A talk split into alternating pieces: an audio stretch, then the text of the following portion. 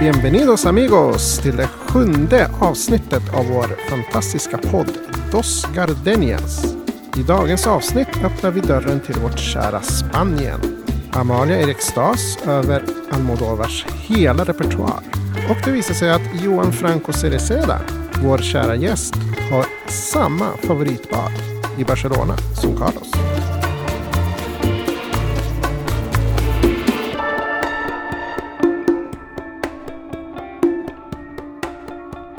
Välkomna ska ni vara till det sjunde avsnittet av vår fantastiska podd Dos Gardenias, den beroendeframkallande podden om livets nödvändigheter som nu också är en sajt.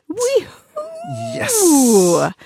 Så ni som inte kan få nog av oss eh, ska bara klicka in er på dosgardenias.se.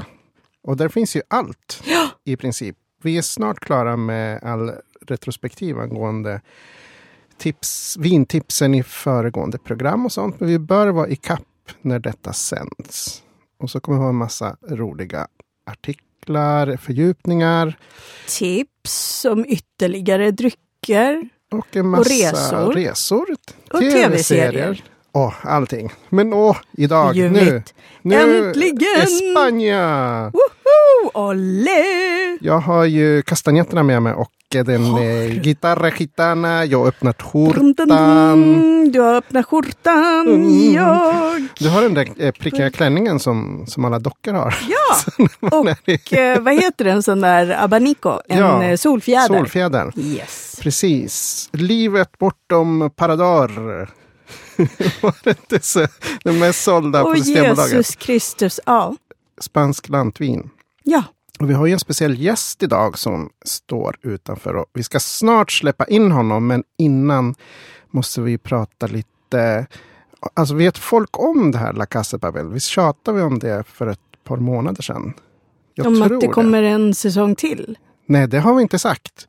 Säsong tre är på gång. Mm. Det måste ni se. La Casa de Papel. Får man se lite Madrid-views också. Ja. Och på tal om Madrid. En av våra absoluta Ah. favoritregissörer Pedro. brukar ju... Ja, Pedro, Pedro. Almodovar. Tror Inte säga Pascal. Pedro Pascal. Nej, vad jag vet så regisserar han inte än. Eh, han skulle Vem? gärna få Pascal regissera eller. Almodovar? Nej, Pascal. Pascal. Ja, ja, ja. Ehm, Pedro Almodovar, han har ju gjort ett gäng filmer. Jag tror det är 35 stycken. Jag försökte kolla upp Shit, på det så IMDB i morse. Ja, 35. Sen hans debut på scen 70. La Den har jag sett. Hans första. Ja, en sån här kortfilm bara. Ja, väldigt märklig men väldigt rolig. Helt crazy. Ja, Och, Eh. Ja, men alla hans musar, som man säger, är ju superkända. ja. Hans första var ju, åh vad hette hon? hon Carmen Maura. Ja, så var det. Och så den här andra från Bind mig, älska mig-filmen. Åh, vad heter hon? Victoria, Victoria Abril. Ah, así es. Och sen kom det. Och eh, såklart Rossi de Palma. minsann. Och, Jag älskar Rossi. eh, Åh, mannen, myten, legenden. Antonio Banderas. Banderas. Mästerkatten. Mästerkatten. Oh, Det är ju säga att det är han som är mästerkatten. Mm. Men viktigast av allt för mig är ju Penelope. Jag förstår. Penelope Cruz. Ja. Oj, oj, oj. Är det din, eh, ja, dina favoritfilmer? jag har ju... De jag tänkte en kvinna. ja, jag har faktiskt två favoritfilmer. Hon är med i, i båda. Fast i den ena är hon huvudrollsinnehaverskan. Mm. Och det är den här Volver. Ja. Som, eh, som är lite mysko. Eh, som att någonting skulle vara normalt i en Almodovar-film. Men, inget eh, är normalt i inget är hans värld normalt. och det är det som är så underbart. Ja, gud ja. Jag vill bo i en sån... Ja, jag vill ha brukar- ett sånt liv. Det här är crazy. Amalias Facebook-uppdatering är ofta så här. Jag vill bo i Almodovar-film. Jag vill vara... Det där, äh, ja, men du skulle få säga dina... Berätta om Ja, dina just favoriter. det. Favoritfilmen. Ja, men Volver är ganska... Mm. Den är lite skön. Eller inte. Ja, en Penelope Cruz är en ordinary girl. Och eh, hon är gift med någon skum snubbe som stöter på Penelopes dotter. ja, just Och det. jag kommer inte spoila för det här är liksom till och med i trailerna. Eh, dottern råkar ta koll på gubben med en kökskniv.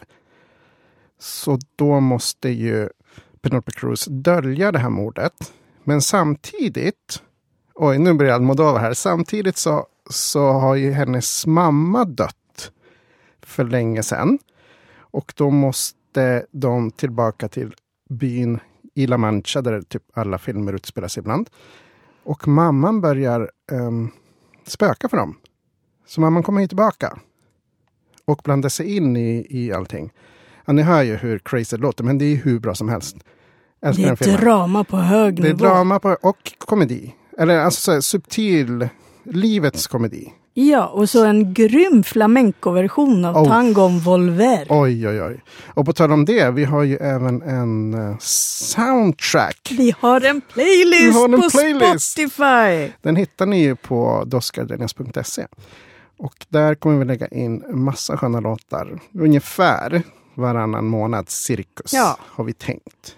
Så vi får väl se. Vi får väl se. Men, har du någon mer ja, favoritfilm då? Allt om min mamma. Ah, ja, den är, ja, den är fantastisk. Den, den är också den tragisk. Är ja, men den är underbar. Den är ju det. Ja, det och så fort man ska beskriva en Almodovar-film för folk så blir det ju helt crazy. Ja, det går nästan inte att... Almodovar. ande svävar Någon har alltså tagit sig igenom The Breach in i studion. och kom in som en Almodovar-film. vi vet inte vem det var. Ingen aning, men så det enda som vi om... Eh, saknades var att han hade en sån där tigerdräkt ja. med fjärrstyrd svans. uh, vi börjar vi om? om, tror jag. Eller så, är det kvar så är det här kvar. I alla fall. Allt om min mamma. Um, den är också sådär... Jättebra, men ja, den är ju fruktansvärd, ja, är, men så ja, den bra. är hemsk. Mm. Det, det, börjar med att eh, ja, en ensamstående mamma eh, och eh, hennes son är ett stort fan av någon aktris som uppträder på den lokala biografen eller teatern. Och på vägen dit så blir ju han överkörd.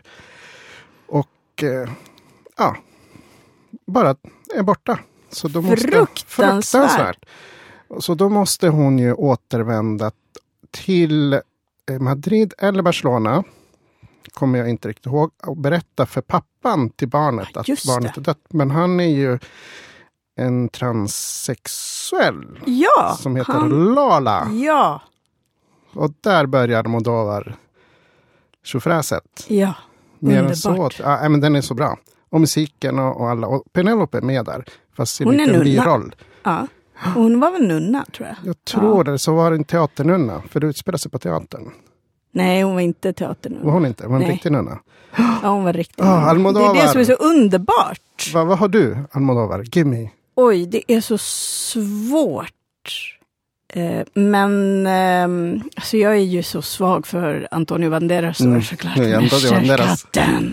Eh, så att eh, en av de senare då, då The Skin I'm In, La Piel que Habito. Vad tusan hette den på svenska? Mask, någonting med mask, hette det inte så? Oh, Nej, jag, kommer jag inte minns ihåg. inte vad den heter. Under huden eller något Under sånt. huden? Ja, det kanske ja, den hette. Den är ganska ny. Den är typ relativt ny, den är bara sju år sedan. Ja. ja. Eller den är bara sju år gammal. Uh, galet bra film supertwistad. Bland annat en snubbe som klär ut sig i tigerdräkt och har en så här fjärrstyrd svans. Alltså det, den är så underbar. Den är så fantastisk. Um, och sen som alla Almodovars filmer så finns det alltid något mörker mm. i bakgrunden. Som gör att det inte bara blir en knäpp film. Liksom. Och sen så en av hans nyare som heter Los Amantes Pasajeros. Oj, oj, oj, vad romantiskt. Ja, den är, ja, både och. Den är liksom lite mer poppig. Uh, men så, och, och, mer komedi. Sjukt rolig. Sjukt men, rolig. Har du sett någon, den senaste, Julieta? Den ja, men det har året. jag. Har ja, det? det? har jag. jag har men den har liksom inte Håller man på att tappa stinget, får man säga så? Svär man i kyrkan? Vad sa du? Den? Om man håller på att tappa stinget? Nej, man inte kommer det ihåg. har han inte. Men han liksom... Det är som att det måste gå en viss tid mellan hans eh, mästerverk. Jo, det är sant. Typ. Det jag tycker är konstigt att inte har, har gjort en serie. Alltså, Ja, varför gör han inte en serie? ja det vore ju Förstår du vilken grej? galet bra. Craziness. Hur bra som helst. Ja, Almodovar. Vi kan prata hela dagen om Almodovar. Ja, jag tror faktiskt till och med att vår gäst är väldigt förtjust i Almodovar. Ja, just det. Vi måste prata med honom om det också. Ja. Vilka filmer som är hans, hans grej. Ja. Men du, Spanien. Alltså, jag, ja, vi, vi tar det väldigt lugnt. Vi kan ju prata hela året om Spanien. Ja. Idag ska vi köra en övergripande. Och jag vet att redan nästa program så ska du och jag prata om Cava. Så vi lämnar det därhän idag. No Ja. No du själv jag cava. pratar redan. Aj, no Cava, oj. Mästerkatten. Oj, oj. Mästerkatten, det är det enda. Stackarn, han har ju Nej, gjort så han är inte bara Mästerkatten, men han är... Han var ju... Fantastisk. Kommer ihåg när eh, Antonio Banderas var mor Ja, i, i någon den film? där Den äh, trettonde krigaren. Ja, en vikingafilm Ja, med en Antonio som- Banderas. Ja, som brukar gå på så här söndag eftermiddagarna Ja, så på någon sån här obskyr typ. kanal. Ja. Och så är han någon mor som hjälper någon viking. Ja, Och, precis. Ja, så en fint, så fint. Ja, det är väldigt vackert. Väldigt vackert. Ja. Nej, vet du vad? Vi tar in Johan. Woohoo!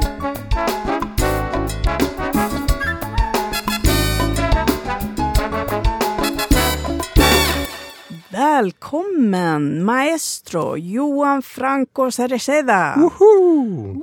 Tack. Bienvenido! Olé! Olé! Jag är så avundsjuk på er två. Det måste jag säga redan nu. För ni har så sköna tjurfäktarnamn. Ja, Eller hur? faktiskt. Johan Franco Sereda de la Misericordia de la Mancha. Och du heter ju allt möjligt Amalia. Vad Ja. heter du egentligen? Amalia Corina González Stöckel. Aj, de la Misericordia de la Virgen. jag försöker. Jag, jag tänkte igår att men hur ska jag förlänga mitt namn? Då kom jag på att jag kunde använda min mammas maiden name, Sådär, Real. ja. Så då blev det Carlos Ivan Norlende Real. Åh, den där var Det bra. var ju fint. Men du heter Ivan? tjusigt. Ivan, ja, Ja. nu vet andra namn. Nu avslöjar jag det. Den kom Se bara där. så. Ja. Men Ja. det är ju inget som slår Don Diego de la Vega. Nej. Vad heter han? Don Don Diego? Diego de la Vega är väl Zorro? Ja, det är det som är grejen. Ja. El Nej, Zorro. eller vad tänker du på? Ja, Don det är den jag vill ha. Nej, Don du vill Diego ha de la Vega. El Zorro. Nog om det. Så är det. Och det, han, Antonio Banderas har ju också spelat Ja, El Zorro. Men det finns en... Han är El... Han är El Zorro. Zorro. Och grejen är, jag vill tipsa innan vi börjar dissekera viner att eh, det finns en jättefin bok av Isabella Allende som handlar om El Ja, Zorro vid unga det. år i Barcelona Ja. när han blev eh, revolutionär. Det är ni. Just det. Men eh, just det, vi pratade Almodovar innan Johan. Har du någon super Almodovar i? Ja, och jag har väl alla typ. Alltså, det här är ju kul för det här har ju följt mitt liv. Jag började Oh. ju titta när de första släpptes egentligen. Va? Ja, då har du sett den där med nunnorna Ja, ja, som absolut. har tigern och som Ja, oh, knarkar. Ja, ja, ja, ja, alltså de första filmerna han gjorde är nästan roligast. För de, de, har, de är ju totalt gränslösa. Han, han kliver över allting där. Eh, och det är, ju, det är ju skitkul verkligen.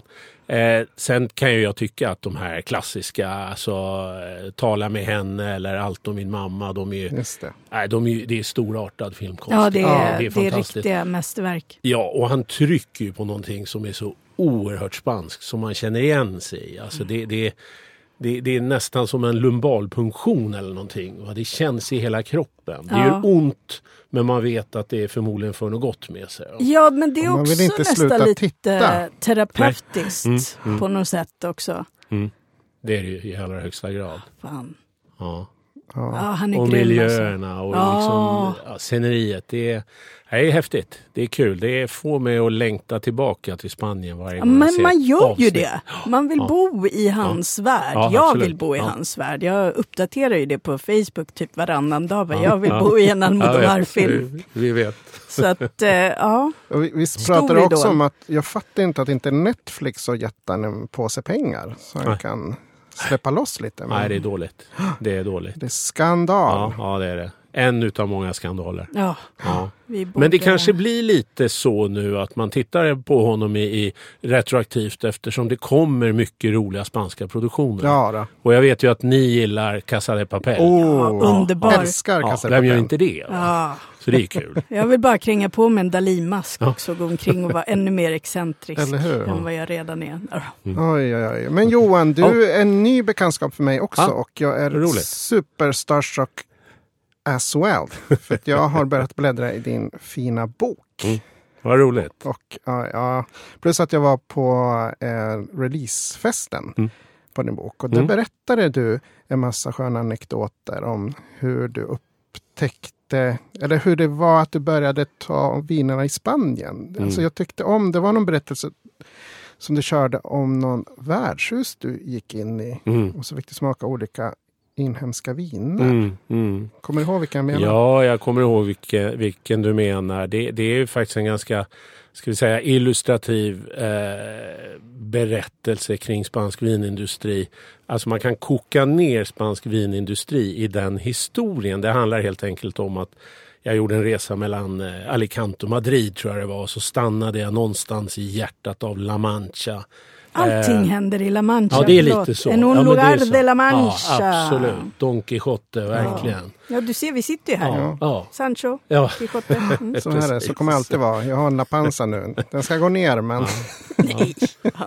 förlåt. Jag Får vi se om jag är väderkvarnen då, då eller vad det nu blir. Nej. Nej men i alla fall, och då kom jag in på den här fantastiska bykrogen som, som inte har förä- förändrats då i karaktär sen Don Quijotes tider säkert. Och beställer in eh, ett glas vin och då säger jag lokalt och bara där blir det en liten krock för att han undrar vad menar du? Vad skulle inte vara lokalt här? Importado. Precis, och så i alla fall och så tar jag en klunk av det här vinet och ångrar mig ganska omgående för att det, det är för jävligt helt enkelt. Det, det smakar, alltså jag brukar säga att det här är en av mina absolut största nära döden upplevelser. Eh, och då förklarar jag för honom att hur kan du servera det här? Och då tittar han på mig som en stursk spanjor va? Med, med den här liksom, generationen av stolthet i ryggen. Och så säger han till mig, vad menar du? Det här är världens bästa vin? Utan alltså att darra, utan han är fullständigt övertygad. Och då säger jag till honom, men eh, man kan ha synpunkter på det, lite sådär diplomatiskt. Men hur menar du? För jag vill ju, hö- jag vill ju förstå vad han menar. Och då säger han till mig att ja, men det här vinet smakar som det alltid har gjort. Och det där är ju väldigt intressant va? för att i det han säger så säger han ju flera saker. Alltså de gör saker som de alltid har gjort. Samtidigt som jag som utomstående undrar, ja men utvecklingen då? Det har ju hänt saker de senaste 400 åren, tycker jag. Men det tycker inte han är viktigt, va? det tycker han är oväsentligt. Och där står vi på varsin sida om bardisken från egentligen två helt olika kulturer. Och jag har ju inte mer rätt än vad han har rätt. Men det blev, det blev, en, det blev ett häftigt möte faktiskt. En, en, en, en bra krock, liksom, en sån här positiv krock. Det tyckte jag var, det, det, det var stort. Det betyder väldigt mycket. Och jag tror att någonstans där kan det ha varit så att jag fick idén att det här, jag måste ju göra någonting utav det här. Jag kan ju liksom inte bara låta det här gå.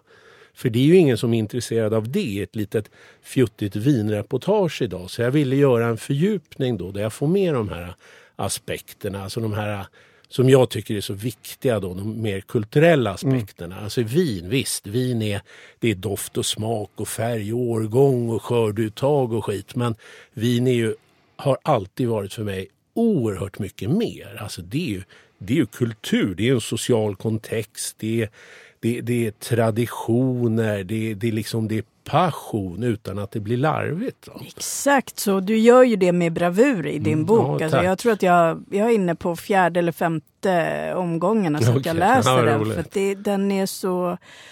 Allting med den är perfekt. Så språket, allt.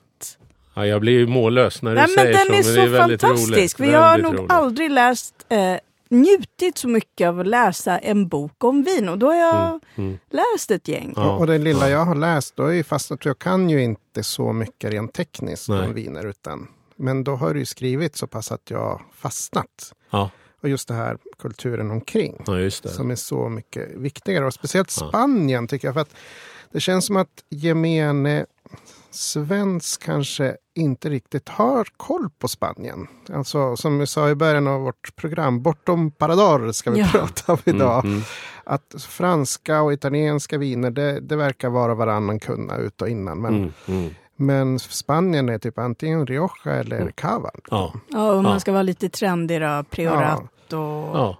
Och lite så. Nu, nu förra veckan var jag på en Rioja Revival grej på lokala restaurangen Spanjorskan här i. Stockholm. Mm. Och det var jätteroligt för nu, nu har jag lite mer kunskaper så då insåg jag att men det här är på väg tillbaka i, i någon slags förtäckt hipstermantel Mm, men ändå. Mm, just det. Ja, men det funkar. Ja, det funkar. Så Ja. länge folk dricker Ja. spanska viner. Så. Ja, och lite av den nya kategorin också. Inte bara det här äh, lite oxidativa Rioja-stuket med Ja. mycket dillkaraktär och så. Utan det, det är alltså, herregud, det, det är mångfacetterat. Va? Det är Ja. en miljon hektar. Det är, det är hur mycket vin som helst. Men du Johan, på Ja. tal om eh, historia. Mm.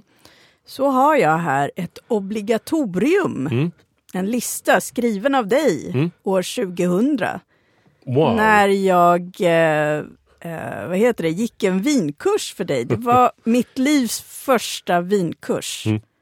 Så jag har alltså beundrat Johan i 18 års tid. Mm.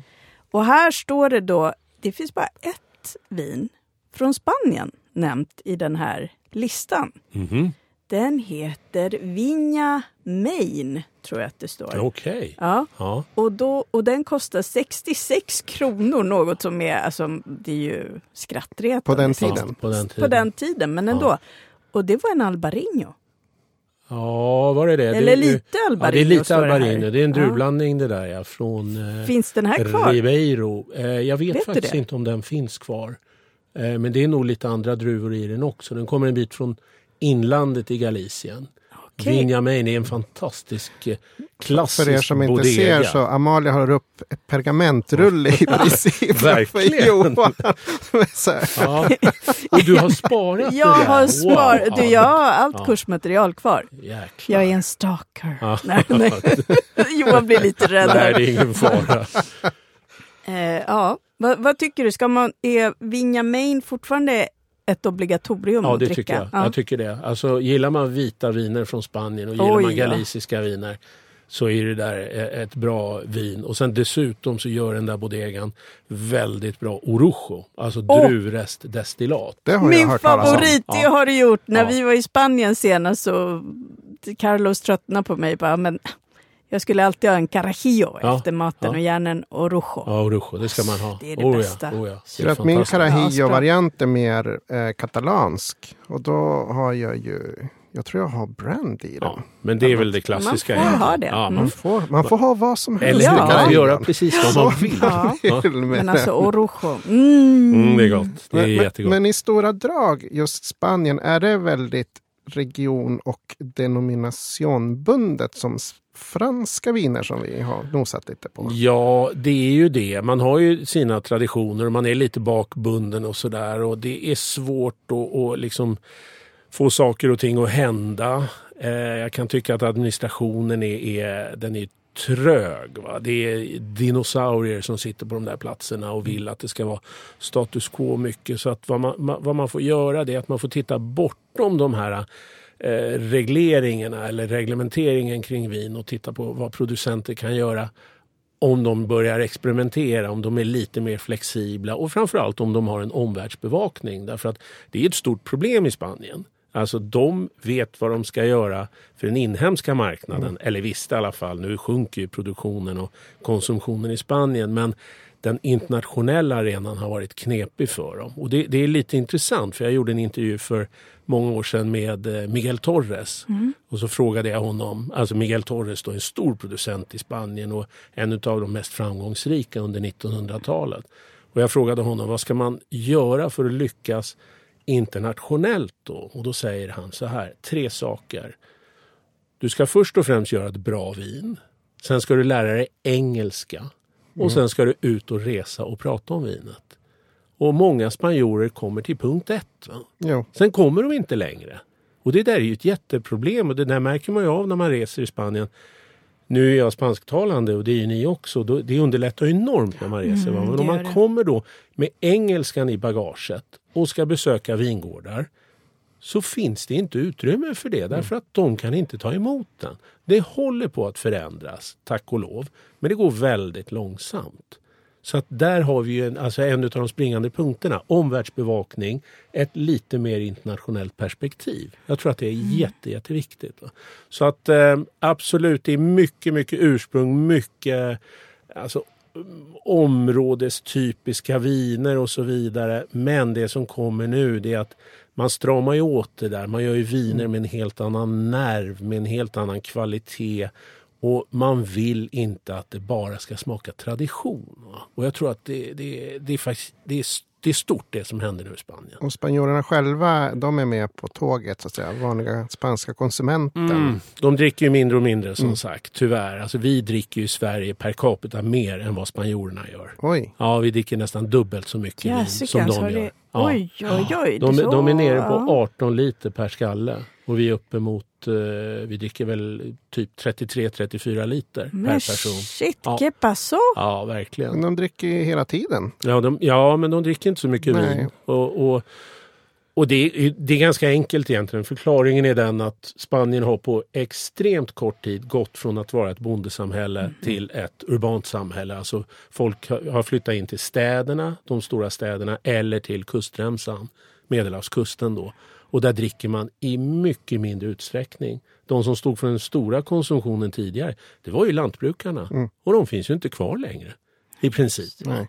Så att eh, det är en av förklaringarna. Och sen är det mycket annat också förstås. Men eh, spanjorerna måste lära sig att in, eh, exportera. De måste förstå marknaden utanför. Och det är ju det vi har sett nu här i Sverige. Att det kommer de här hipstervinerna som du säger Carlos. Det, det är ju precis det vi behöver Jo. för att se att, nej men herregud, vad, vad häftigt. Även Spanien. Ja, men visst, och det här är ju samtidigt lite motsägelsefullt för att eh, jag vet att vi inte skulle nämna kava eftersom vi ska ha ett Mm. eget avsnitt tillägnat denna ljuvliga dryck. Ljuvliga dryck. Men kava är ju ändå världens mest exporterade mousserande vin. Mm, mm. Samtidigt som det liksom, ja, som man säger att de ska lära sig att exportera vin. Ja, ja. Så är det, Cava, Katalonien, de Ja, har alltid jo, varit de är- lite snabbare och Barca, förstå. Va? Barca, Precis, ligger närmare Barca. kontinenten. där Eh, fick jag till ja, där fick du till säga det. Du, du ska ju veta att jag är ett stort Real Madrid-fan.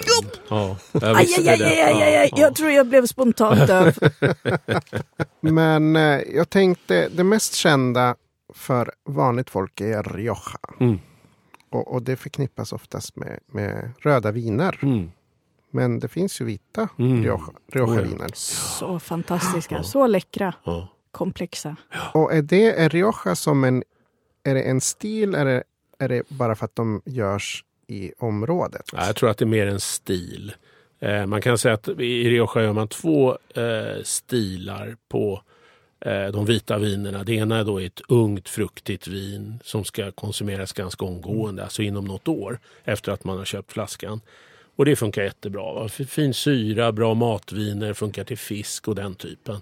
Och sen har vi den andra stilen då som är eh, väldigt eh, ska vi säga, säregen för det, det är ett vin som gärna har legat väldigt länge på ekfat och har en mycket, mycket ty- tydlig mognadston. Alltså med mognadston menas då att man känner mycket nötter, mycket smör, kanske lite stalliga dofter eller läder eller någonting. Är det det som kallas för reserva? Ja, det kan man säga. De ligger då längre på fat, men de ligger ännu längre än vad reservalagstiftningen föreskriver. Aha. Så att det här kan ju vara viner som ligger två, tre år på fat och sen ytterligare fyra, fem år på flaska. Eh, och det här blir ju då väldigt komplexa viner. Inga viner man sitter och dricker på balkongen eller på terrassen eller Nej. vad det nu är. Utan det här måste man ha mat till. Och jag var nere rätt nyligen i Rioja och drack ett vitt vin. Det första vita vinet som har fått 100 poäng då i amerikansk vinpress.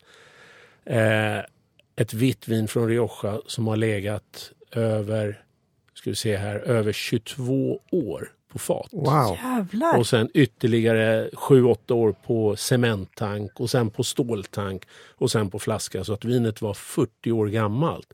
Och då kan man ju tänka sig sådär att alltså, är det vinäger vi ska få i glasen? Men det här är, det, det var ett fantastiskt gott vin. Alltså extremt utpräglad mognadskaraktär och nötter, hasselnötter och vanilj och så. det känns och lite en- mer sherry. Nej, fast det var Eller? det inte. Det Nej, var nej, inte det. Utan fortfarande Okej. frisk. eh, Alltså, Det måste vara väldigt hög alkoholhalt på den då. Nej, vanlig 12,5 ungefär. Ett stort vin. Dyrt som tusan, men, men som sagt, jag var ju på bodegan så att, de bjöd på det. Det var, det var en stor upplevelse. Väldigt, väldigt kul.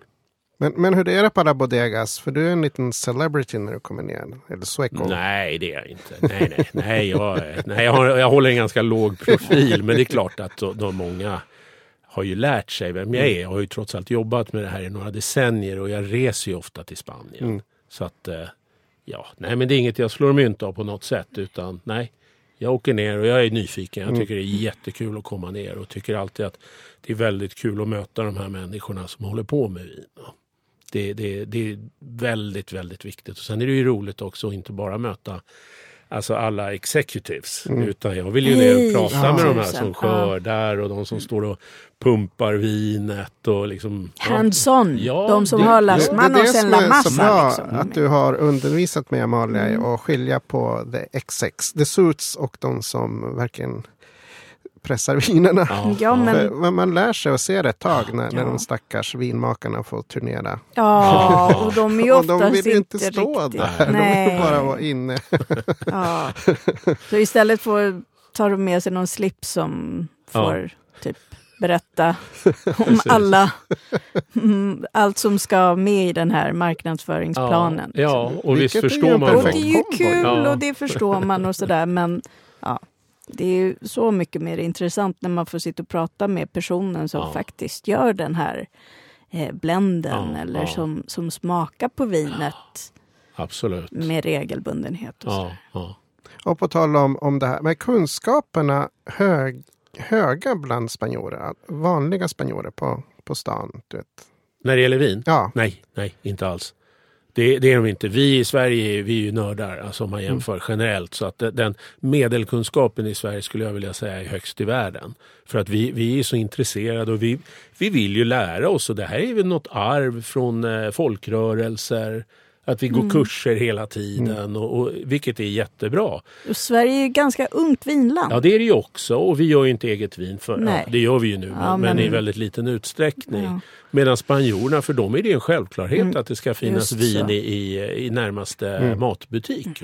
Så att de reflekterar inte så mycket över det där.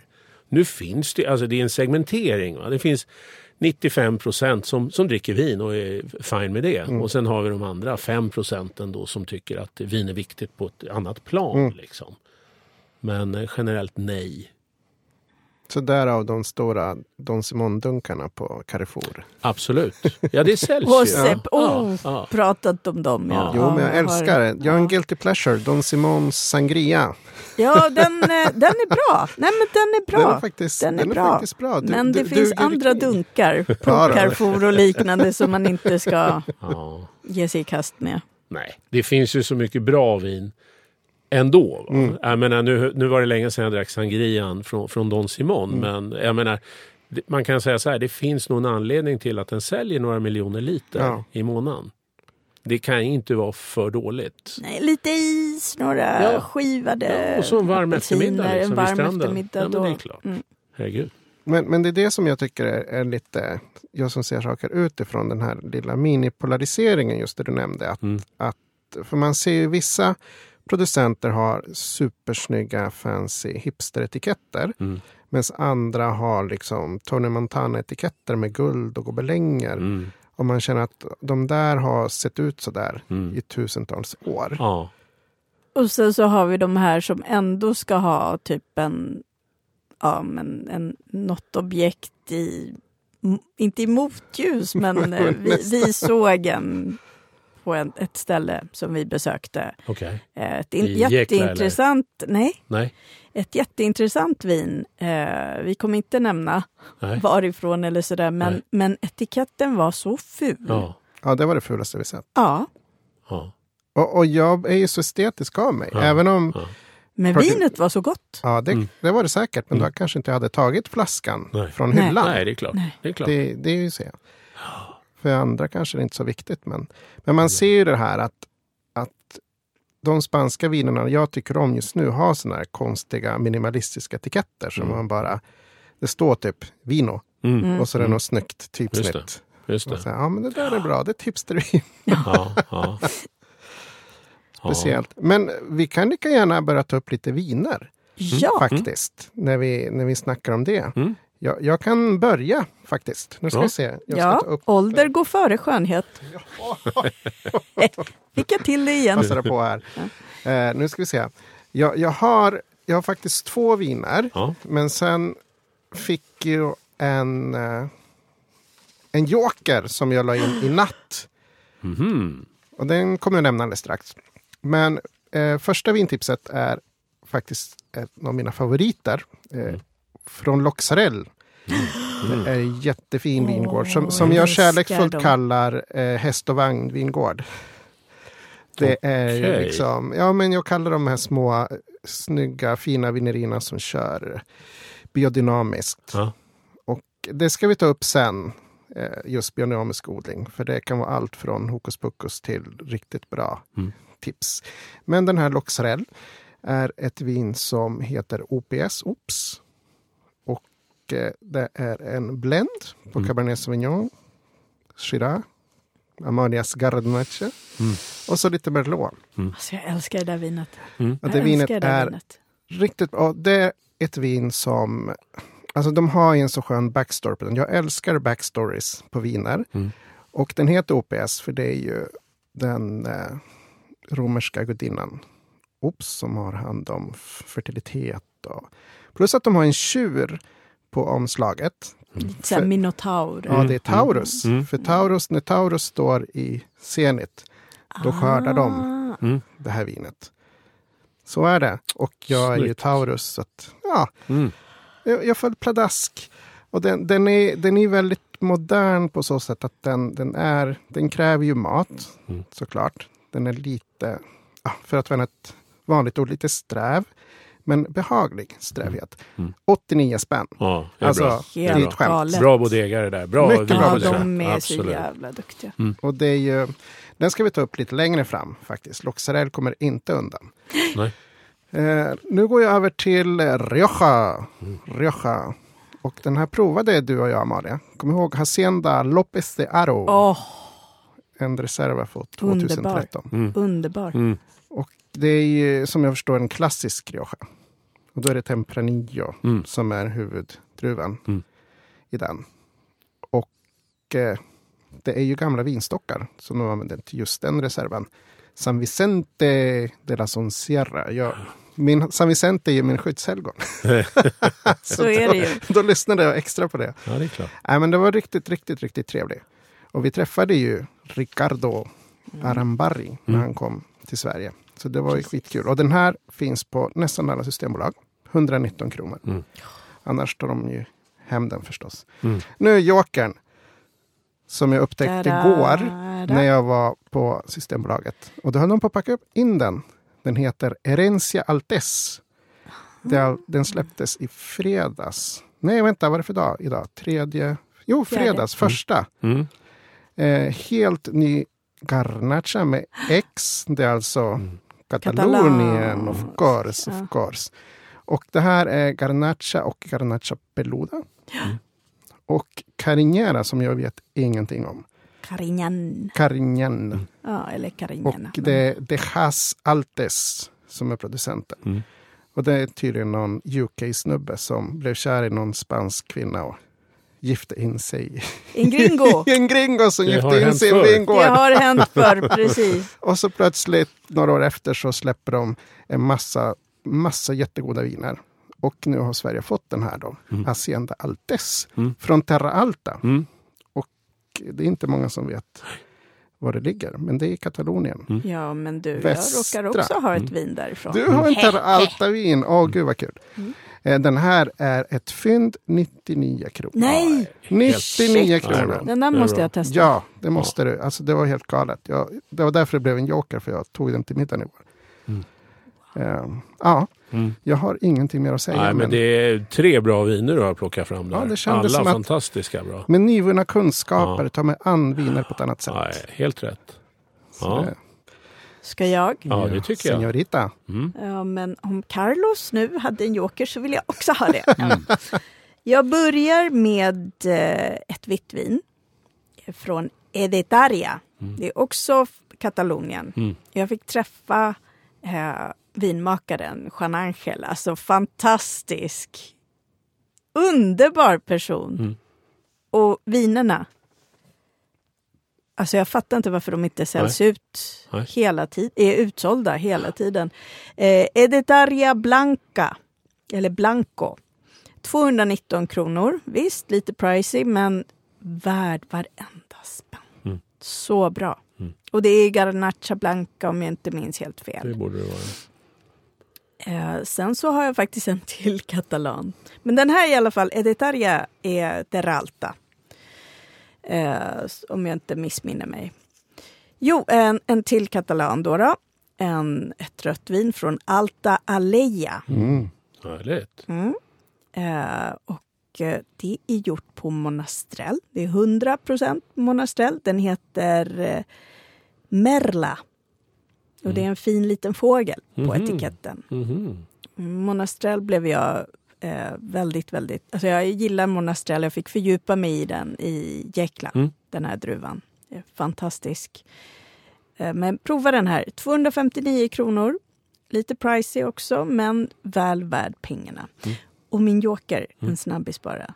Tåströms spanska brandy. Åh Mhm. jäklar! Den är så jävla bra. Jag var tvungen att ha med den. Jag gillar Thåström. 399 spänn. Jag älskar Mm. Tåström och jag älskar brandy. Så att... Eh, Vad sa du? 399? 399. Som hittat. Vad roligt, den har jag aldrig provat. Är skitbra. Ja, brandy är ju helt Riktigt underskattat. bra. att, ja, det är det. Och eh, om, man, eh, alltså, om man är lite skeptisk till sådana här kändisprodukter så Mm. Den här killen vet vad han har satt sitt namn på Mm, om vi mm. säger så. Men det här är på Roligt. beställningssortimentet va? Nej, den har, jag tror fasen den har kvalat in i, i eh, Ja, Allt du har nämnt vanliga. finns alltså på systemet. Eh, ja, de två första får man beställa. Ja. Men Tåström ska finnas. Minsann.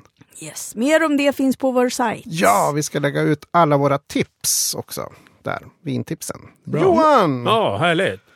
Ja, men vad roligt. Vad, vad kul att ni har tagit massor av vin från Katalonien. För det har inte jag. Tala Nej.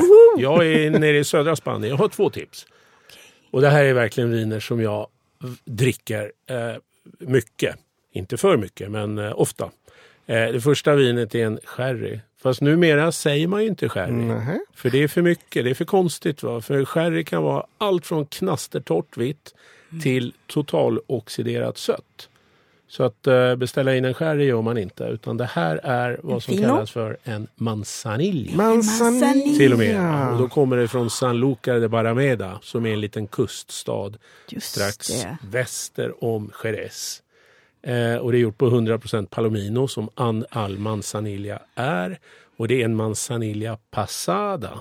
Det betyder att den har en eh, liten längre mognad och att den smakar lite mer, lite mer nötigt. Inte sådär knaster, knaster, torrt, transparent utan här har vi lite nötter, vi har lite fat, vi har fortfarande en jästton och det är fantastiskt till mat. Alltså Mm.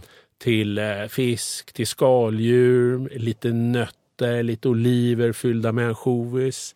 Eh, så det Skulle behöver kunna- inte bli några dyra äventyr, va? excesser sådär. Utan det, det, det räcker. Lite grann bara. Lite grann. Skulle Ja. passa till julbordet. Alltså, Ja, det skulle hur? det absolut. Absolut. Ja, Vad får man ge för denna sköning? man får betala 109 kronor för en halv flaska. För en halv flaska. En halv Men den här räcker ju. Det räcker ju längre än en hel flaska. Supergott. Eh, och jag har faktiskt artikelnummer 99705. Det var pro. Ja, det var Pro. Och det är från en eh, bodega som heter Bodegas Barbadillo. Och det är lite kul när du pratar om backstory och viner därför att eh, här har man alltså gjort vin i 3000 år. Och det är helt galet vilken tradition de har. Och när man kommer in i de här bodegorna som är proppade med gamla fat och bara känner den här lukten av vin. Mm. Då blir man ju, alltså man blir ju... Knockad. Ja, man blir det. Man, Ja, blir, man blir man blir tagen, man blir emotionell. Ja. Och det, är- det, är- det är stort alltså, jag gillar det där. Så det är kul, en manzanilla alltså. Vin nummer två Mm. kommer från Vinos de Madrid. Mm. Alltså strax utanför Madrid. Eh, Kastanjetterna bara... Precis, väster om Madrid finns en jättehäftig producent som heter Commando G. Alltså Commando G G. på svenska då. Det låter som Casa de Papel. Ja. Ungefär. Ja, men det är alltså en gammal serie det här som gick på spansk tv på 60-talet, 60-70-talet. Och då har de fångat upp det namnet och gör väldigt speciella etiketter med figurer bland annat från den här serien. Nej, jag får panik. Men gud vad coolt. Ja men det är läckert. Ja, Det men är, jag dör. jag, tror, jag tror Carlos, du skulle Oj, älska. oj, oj. Ja det här är så bra alltså. För grejen är att vinerna är så bra. va? Och Amalia, 100% Garnacha. Ah, där! Oh. Jag tror jag fångar er båda här. Ah, alltså, you had me at... Ja, ja, men La, och La Bruja de Rosas heter det. Oj, ja. gud. Alltså namnet. Ja, Bara bara namnet. namnet. Och de Finns kör den många i här fasta? Det, jag, jag vet faktiskt inte, men det är 95705 artikelnummer. Jag tror att den kan finnas i en del butiker. Alltså jag... Ja, gå idag. Drar iväg ja, nu. Ja, 199 spänn. Oj, oj, oj. Ja, och det är klart, du, som du säger, va? lite Ja. price och sådär, men, men samtidigt, alltså, det här är ju ett vin som ska kosta mycket. För att vi betalar ju för en produktionskostnad. Mm. Och i det här fallet så har de ett lågt skörduttag, alltså de plockar få druvor per hektar. Det är en långsam eh, vintillverkningsprocess och kvaliteten blir ju fenomenal. Och det roliga är här att Garnacha har ju uppfattats som antingen då lite bulkig, alltså en ganska enkel karaktär. Eller så har man överextraherat den och gjort viner som har varit så kraftiga så att man nästan inte orkar dricka upp flaskan. I Jo det här- då, Ja, det gör jag. Ja, ja, det är bra. inte Ja, alla. ja. Men i det här fallet så gör man en jätteelegant garnacha som påminner lite mer om en eh, typ Pinot Noir eller något. Men fortfarande med mycket karaktär. Lite mjukare har jag Ja, lärt mig nu ja. med Pinot Noiren där. Ja, den är lite mjukare men fortfarande bra frisk karaktär med mycket frukt och sådär. Men vad heter den? La Bruja La Bruja de Rosas. de Rosas. Ja. För, för eh, om vi ska översätta så är det häxan, och- nej, blommornas häxa. häxa. eller något där. Häxornas. Rosornas häxa. Fast Rosa i det här fallet ett namn. Så att Ah. det, det är ju Ah, eh, det är Rosas, Rosas häx- häxa. Precis, Rosas Ja, ja, vi behöver inte gå in på vad Nej. Rosas Nej. häxa är, men i Den, alla fall. den häxblandningen hämtar vi. Ja. Det är säkert en figur i, i den här serien Kommando G.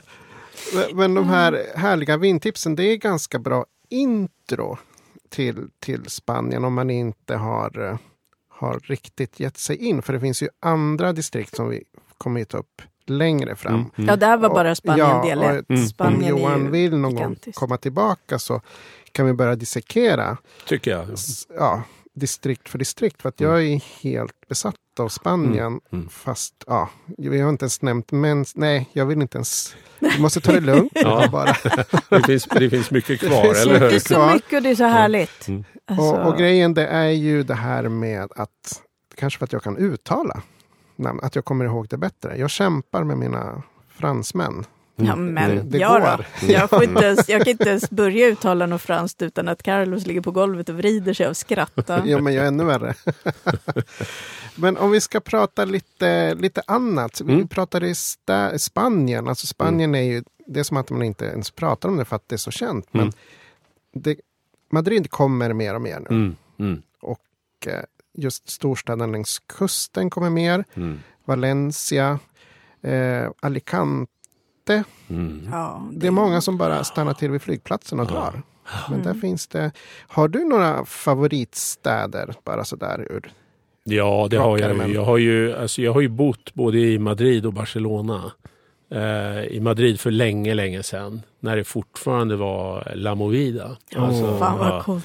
Du Det kanske var- det var träffar häftigt. Almodovar? Nej, jag gjorde aldrig det. Men, men han, han fanns där någonstans i kulisserna. Han var ju som, kanske som störst inhemsk då. Mm. Eftersom han rörde sig mycket socialt då. Så att eh, Madrid är, det är en stad som jag älskar fullkomligt. Eh, jag tycker Barcelona är fantastiskt också. En helt annan karaktär. Ja, det- Mer kosmopolitisk möjligen. Eh, lättare att orientera sig i och det är ju en storstad. Madrid är ju flera småstäder. Alltså vi har ju Barrio de Salamanca, vi har Malasaña. Så det, är, så- det är så helt olika karaktärer. Medan Barcelona är ju mondänt från liksom stranden hela vägen upp till Tibidabo. Så att de är, det är två olika saker och kompletterar varandra jättebra. Tycker jag. Sen eh, Alicante har jag varit i sedan jag var sex år. Eh, men då, var, då såg det inte ut som det gör idag. Idag har det blivit lite av ett eh, gastronomiskt mecka. Jo, Ja. Eh, så det är ju kul med, med den utvecklingen och det här är ju någonting vi måste se. För att eh, alltså, Spanien måste förändras lite. Det går inte, även om det är jättecharmigt, att gå in på en lokal krog och käka de här bläckfiskringarna varje dag i 20 år till. Det måste hända någonting. va? Och det gör ju det nu. Jag var nere i Jerez bara för, ja, förra veckan tror jag det var eh, och var på en stjärnkrog, en trestjärnig krog som heter Aponiente. Eh, och det är, ju, det är ju så häftigt därför att eh, många av de här absolut bästa krogarna som finns i världen, de är ju fantastiska, de är svindyra, men man äter bra mat, men den är inte alltid lokalt förankrad.